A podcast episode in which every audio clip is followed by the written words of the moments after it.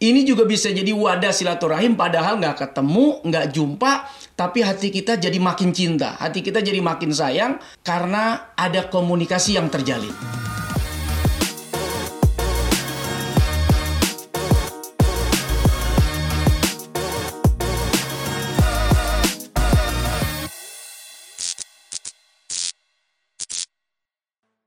Allah Akbar Allah أكبر الله أكبر.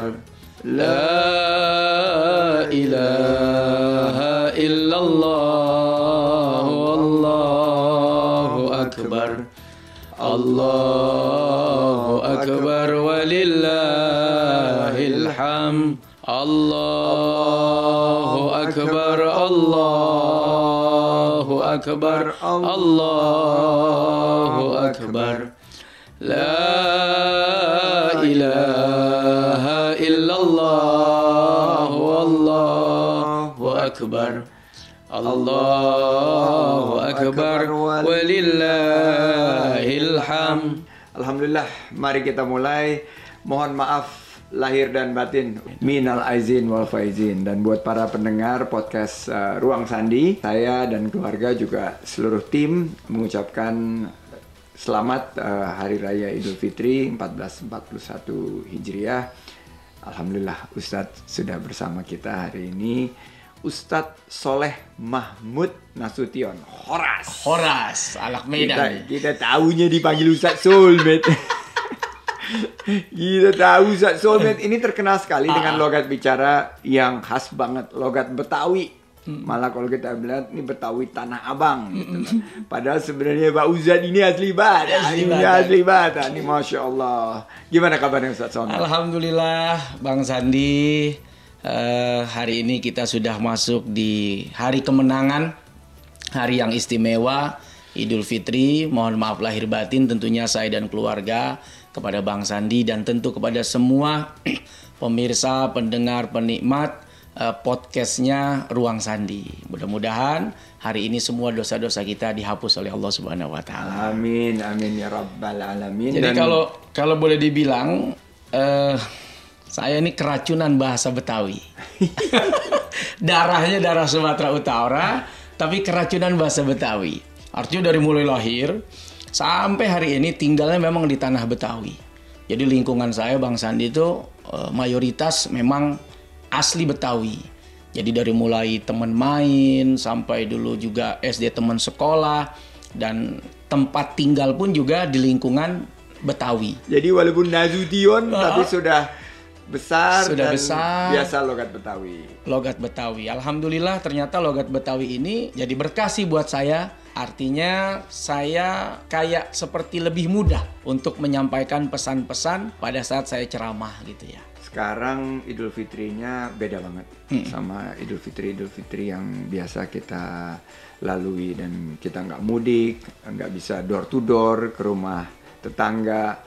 Saya ingin tanya gimana sih Ustadz cara kita untuk selalu tetap bersyukur dalam kondisi wabah seperti ini. Yang pertama kita harus yakin bahwa musibah ini adalah dengan izinnya Allah Subhanahu wa taala. Kita kalau ngelihat rukun iman, Bang Sandi, itu kan ada rukun iman yang percaya beriman kepada takdir. Ini semua adalah bagian dari takdirnya Allah Subhanahu wa taala. Justru di sini ujian keimanan bagi kita. Yakin nggak dengan takdirnya Allah? Dan takdirnya Allah tuh nggak ada yang jelek, semuanya bagus, semuanya baik. Tinggal kita yang kadang-kadang memaknainya. Ah, karena nggak sesuai dengan harapan kita, akhirnya kita bilang ini jelek. Karena nggak sesuai dengan keinginan kita, akhirnya kita bilang ini jelek. Padahal kalau kita mau gali hikmah, bisa jadi itu yang terbaik dari Allah Subhanahu wa taala untuk kita semua. Saya kasih contoh misalnya, dulu ada kejadian eh, pesawat jatuh. Ya. Tapi di waktu yang bersamaan ada orang yang awalnya kena musibah. Musibah apa? Kena macet.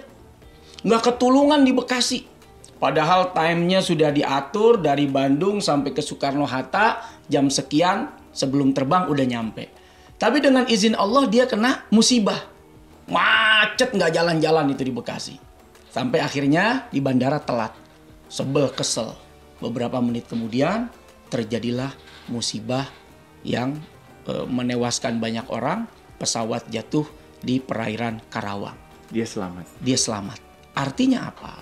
Buat kita orang-orang yang beriman, tidak ada takdir yang buruk. Semuanya baik. Hanya saja kadang-kadang kita berpikirnya maunya kita gitu loh.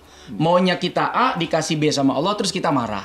Padahal bisa jadi B ini yang terbaik buat kita dan B ini yang menyelamatkan kita semua. Nah, di sinilah pentingnya keimanan. Boleh jadi Allah mau nguji iman kita nih Bang Sandi.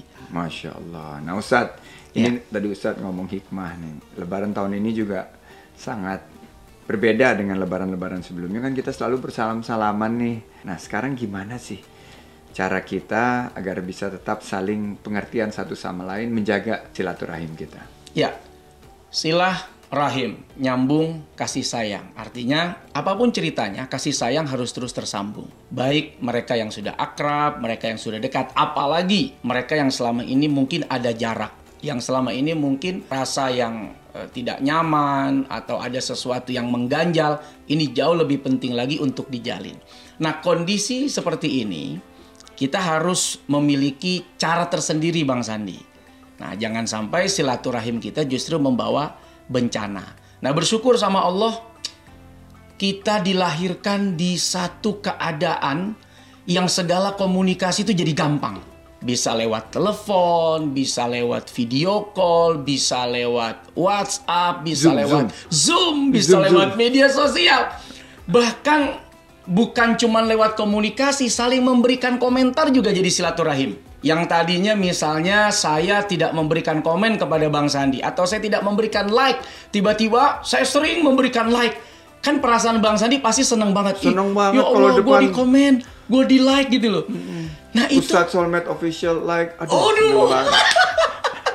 Begitu juga dengan Bang Sandi tiba-tiba ngomenin saya, tiba-tiba menanyakan kabar saya, tiba-tiba melike Instagram saya. Ini juga bisa jadi wadah silaturahim padahal nggak ketemu, nggak jumpa, tapi hati kita jadi makin cinta, hati kita jadi makin sayang karena ada komunikasi yang terjalin. Hal-hal seperti ini jangan dilupakan. Nah buat kita yang punya rezeki, bagaimana dengan orang tua di kampung? Kirimin duit misalnya transfer kan nggak di karantina kalau transfer. Nggak ada psbb kan? Nggak ada. Jadi tapi ini nggak ngurangin amalannya sama sekali tidak mengurangi karena hikmahnya juga nggak tidak berkurang, berkurang sama, sama sekali, sekali ya. malah kita termasuk hamba yang bersyukur mampu memanfaatkan nikmat Allah yaitu nikmat komunikasi yang luar biasa ini yang selama ini mungkin jarang kita pakai terus sekarang rame-rame kita gunakan untuk menyambung silaturahim di antara kita Selama ini mungkin kalau komen, komennya nggak enak, iya. komennya yang tidak nyinyir. bagus, nyinyir. Nah, ini kesempatan kita bagaimana komen kita, postingan kita, isi dari apa yang ada di media sosial kita, bagaimana menyenangkan orang-orang yang mungkin selama ini kita jauh dari dia atau kita banyak eh, memberikan cerita kurangnya dia dan ini saatnya kita membangun silaturahim lewat media sosial. Tapi benar juga saat mm -mm.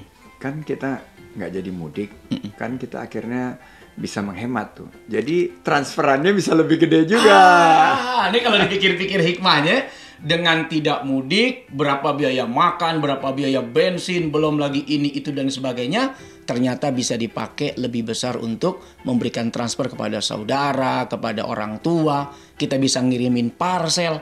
Intinya apa? Saat saya ketemu Bang Sandi misalnya, Bang, Bang Sandi seneng nggak? Seneng banget Nah, bagaimana kalau kemudian saya mengirimkan surat pesan, saya mengirimkan pesan lewat media sosial, atau saya mengirimkan parcel dari Soleh Mahmud, Mahmud. untuk abangku Sandiaga Uno. Aduh. Sar Sarcel. Sarcel. Sarung celana. Sarung celana. Jangan-jangan yang hits banget itu. Yang hits banget itu, yang murah itu, ya lebih Bang Sandi berkesan ketimbang sekedar datang nggak bawa apa-apa. Ini nggak datang sama sekali, tapi sarcel yang murah, mungkin lebih mahal ongkos saya kalau ke rumah Bang Sandi, tapi punya kesan yang istimewa. Nah ini juga bagian dari cara kita bersilaturahim. Nah banyak yang bilang nih, 1441 Hijriah 2020 ini terasa berat banget gitu. Terasa penuh perjuangan dan kita lihat bahwa dunia mengalami keadaan yang sama ini bukan hanya Indonesia ya, Ya. tapi kita lihat seluruh dunia lebih dari 4 juta orang yang terpapar 200 negara mengalami pandemi COVID-19 ini. Salah nggak sih kalau sebagian daripada kita nih, sebagian daripada netizen juga para pendengar podcast Ruang Sandi ini berkeluh kesah Pada prinsipnya manusia itu diciptakan oleh Allah dalam keadaan lemah. Lemah akalnya, lemah hatinya, lemah segala-galanya. Kemudian Allah berikan dia ilham. Lewat Al-Quran dia baca, lewat hadis-hadis sejarah yang dia baca, sehingga dia menjadi kuat. Nah, kalau kita ngomongin soal pandemi, ini terjadi bukan cuman saat ini. Bukan hanya terjadi di tahun 2020, tapi sebelumnya, sebelumnya, sebelumnya bahkan di zaman Nabi, di zaman sahabat Sayyidina Umar, itu pun pernah terjadi. Dan menariknya yang bikin kita senang, tidak ada wabah yang tidak selesai. Kalau tidak selesai berarti dari zaman Nabi atau zaman Sayyidina Umar sampai sekarang masih ada wabah dong. Yang terus menerus nggak ada nyamannya seperti kemarin sebelum 2020. Sejarah telah mencatat wabah bukan hanya terjadi di tahun 2020, tapi wabah ini pernah terjadi di tahun-tahun sebelumnya, di zaman-zaman sebelum kita, dan yang bikin kita bahagia bahwa wabah itu pasti dan akan berakhir. banyak yang memang ngerasa sedih, terutama sih yang saya sering dengar curhatannya itu lebih lapangan pekerjaan. Pasti. Banyak yang dirumahkan, banyak yang di PHK, banyak yang penghasilannya dipotong, ada yang penghasilan hilang sama sekali, UKM-UKM omsetnya jebol, harga-harga bahan pokok naik, Ya, semuanya betul. pada mahal. Nah ini menurut saya sangat multidimensi karena ada hubungannya dengan sosial, pendidikan, kesehatan, bahkan ada yang harus rela kehilangan orang yang dicintai. Nah, akhirnya mereka pada bertanya gitu curhatannya, kenapa Allah Subhanahu Wa Taala yang Maha Penyayang kepada kita ini memberi ujian seperti ini. Nah, bagaimana Ustaz hikmahnya? Asyaddul bala al-anbiya, sumbal amsal fal amsal. Yang paling berat menerima bala ujian cobaan itu para nabi. Kemudian orang-orang yang mengikuti perjalanan risalah para nabi. Nah, termasuk kita ini orang-orang yang beriman. Kita kalau ngebayangin ujian cobaan yang terjadi pada kita, itu nggak sebanding dengan lockdownnya di zaman Nabi itu tiga tahun. Nggak boleh ada pernikahan, diputus hubungan perekonomian, Nabi sampai masuk masa lapar yang luar biasa. Ya. Kemudian Nabi Allah Ayub bagaimana? Diuji 8 tahun dalam riwayat 16 tahun, satu penyakit yang membuat semua orang lari, kabur dan dia dijauhi, dia dimusuhi dan dia diusir dari kampung halamannya. Bagaimana melihat keadaan yang pernah dialami oleh para nabi dan rasul, kemudian membandingkan kita yang bukan siapa-siapa dan bukan apa-apa. Dalam perkara ibadah kita jauh dari beliau-beliau, dalam perkara kebaikan kita jauh dari beliau-beliau. Nah, artinya apa?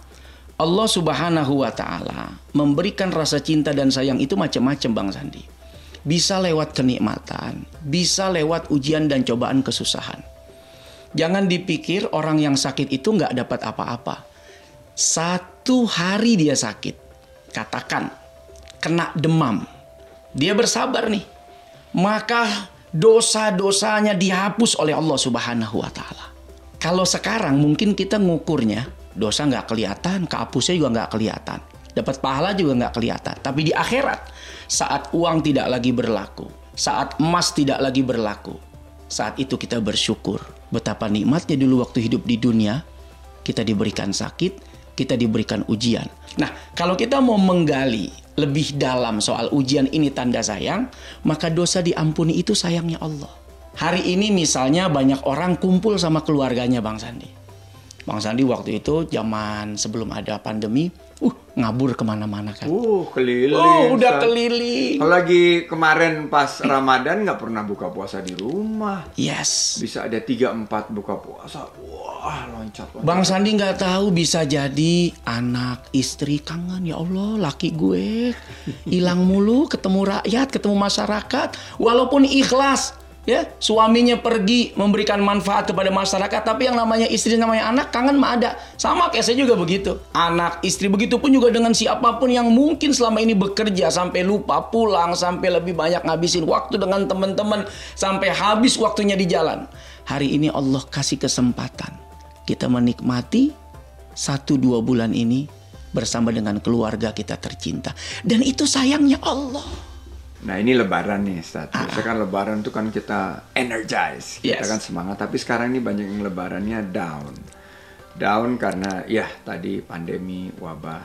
Nah bagaimana sih di saat-saat kita down ini untuk meningkatkan keimanan kita? Kan kita belajar bahwa kita berpuasa untuk meningkatkan ketakwaan kita. Nah ini iman dan takwa. Gimana kita meningkatkan keimanan kita supaya kita kayak HP nih kita lagi di Dicas. gimana charge lagi gitu loh. ada emas eh, satu kilo. Wih, ini emas satu kilo batangan, mahal banget. Tapi Mas lagi mahal nih. lagi mahal banget.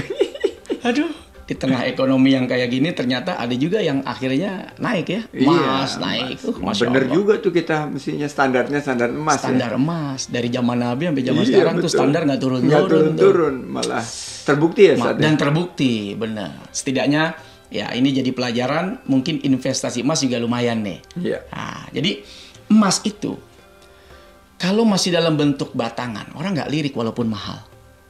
Tapi kalau sudah jadi perhiasan, walaupun kecil. Kalau sudah jadi anting, kalau sudah jadi cincin, kalau sudah jadi kalung, kalau sudah jadi gelang Bang Sandi, itu 5 gram aja emak kita seneng banget. Jangan-jangan dikasih sekilo batangan, apaan sih lu kasih segini? Karena dia ngelihat sesuatu yang tidak ada indahnya, tidak ada cantiknya, tidak ada nilainya, walaupun berharga. Tapi yang 5 gram, 10 gram, kalau sudah jadi kalung, kalau sudah jadi perhiasan yang menempel di tubuh kita, hmm, mahalnya, berharganya, dan orang semua senang dan suka. Itulah orang beriman. Tapi jangan lihat dulu nih perhiasan ujuk-ujuk begitu aja jadi. Lihat prosesnya kayak apa.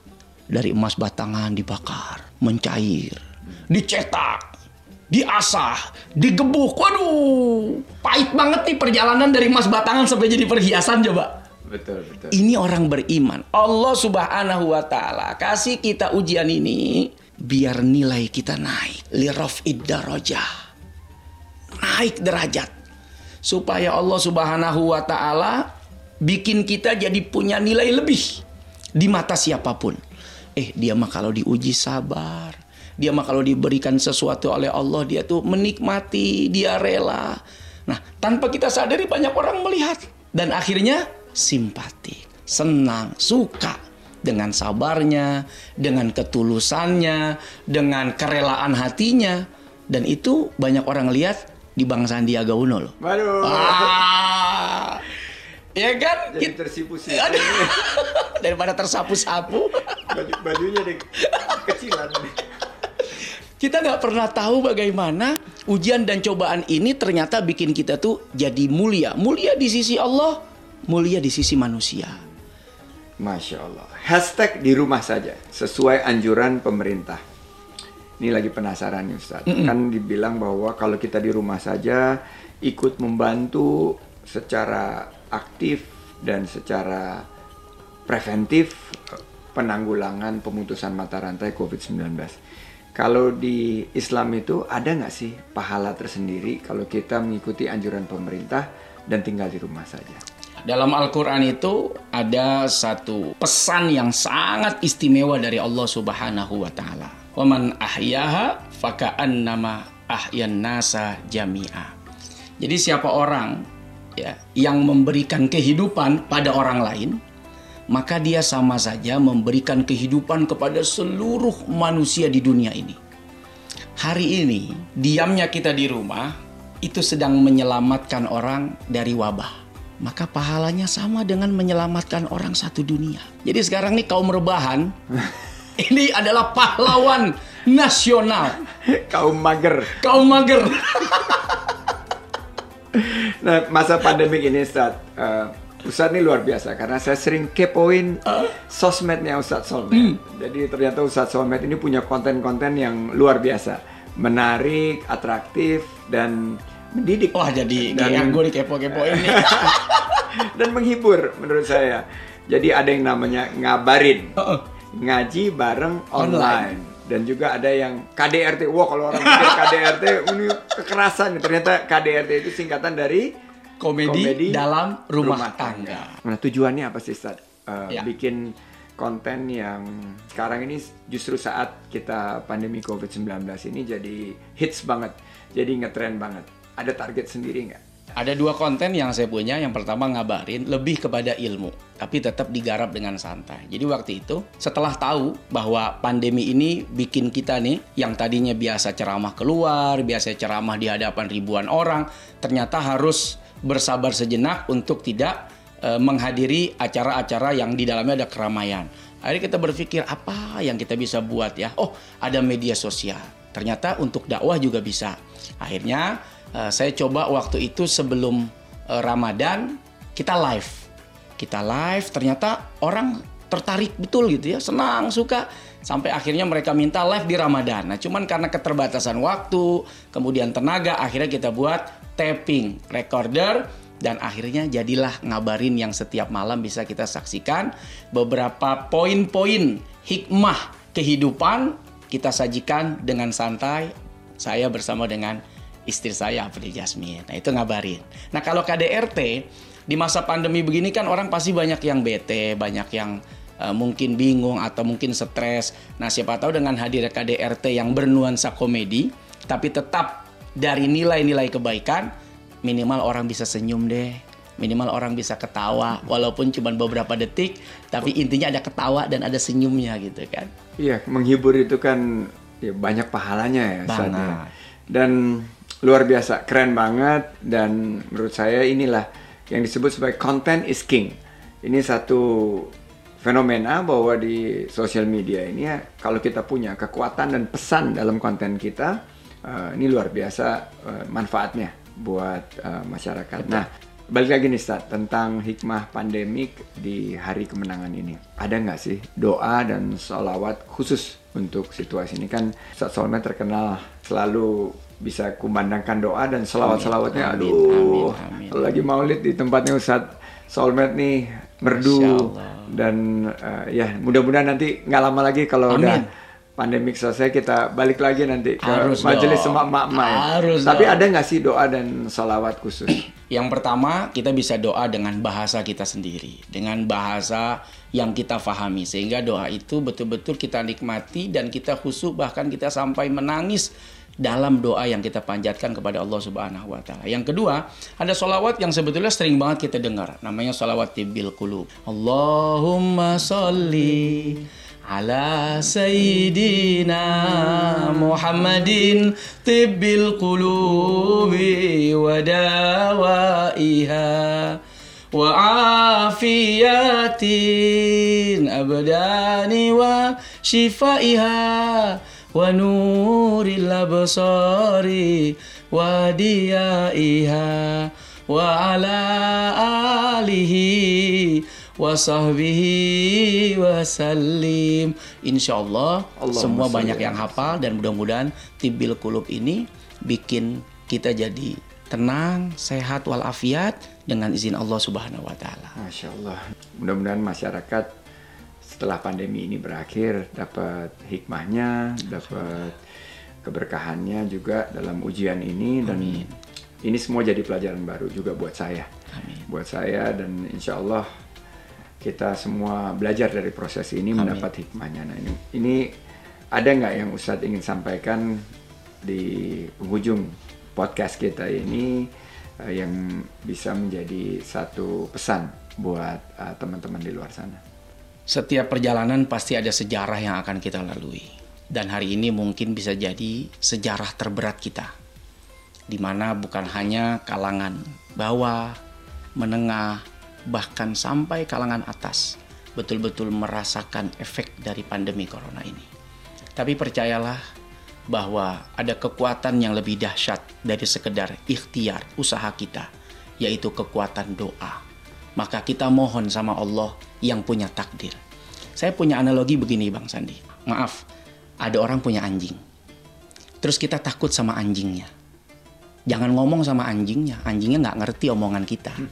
Tapi ngomong sama yang punya anjingnya. Pak, anjingnya jangan dikeluarin. Ini anak-anak pada takut semua. Tar khawatir ada yang kena gigit. Maka anjingnya akan di- Masukkan ke dimasukkan ke dalam rumah atau di dalam kandang. Hari ini, corona menakutkan bagi kita.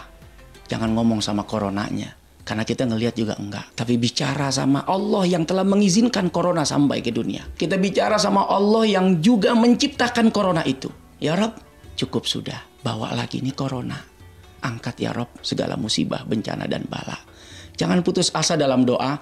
Tetap ikhtiar. Mudah-mudahan corona, wabah, apa pun itu namanya. Selesai insya Allah dalam waktu cepat.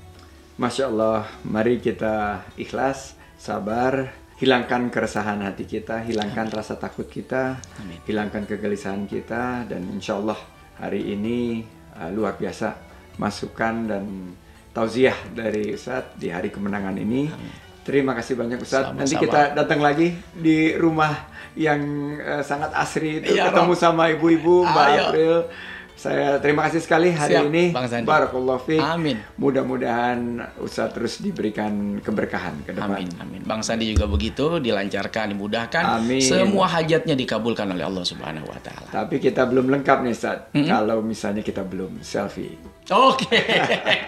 Itu salah satu kewajiban. Oke, terima kasih semuanya. Wassalamualaikum warahmatullahi wabarakatuh. Assalamualaikum warahmatullahi wabarakatuh.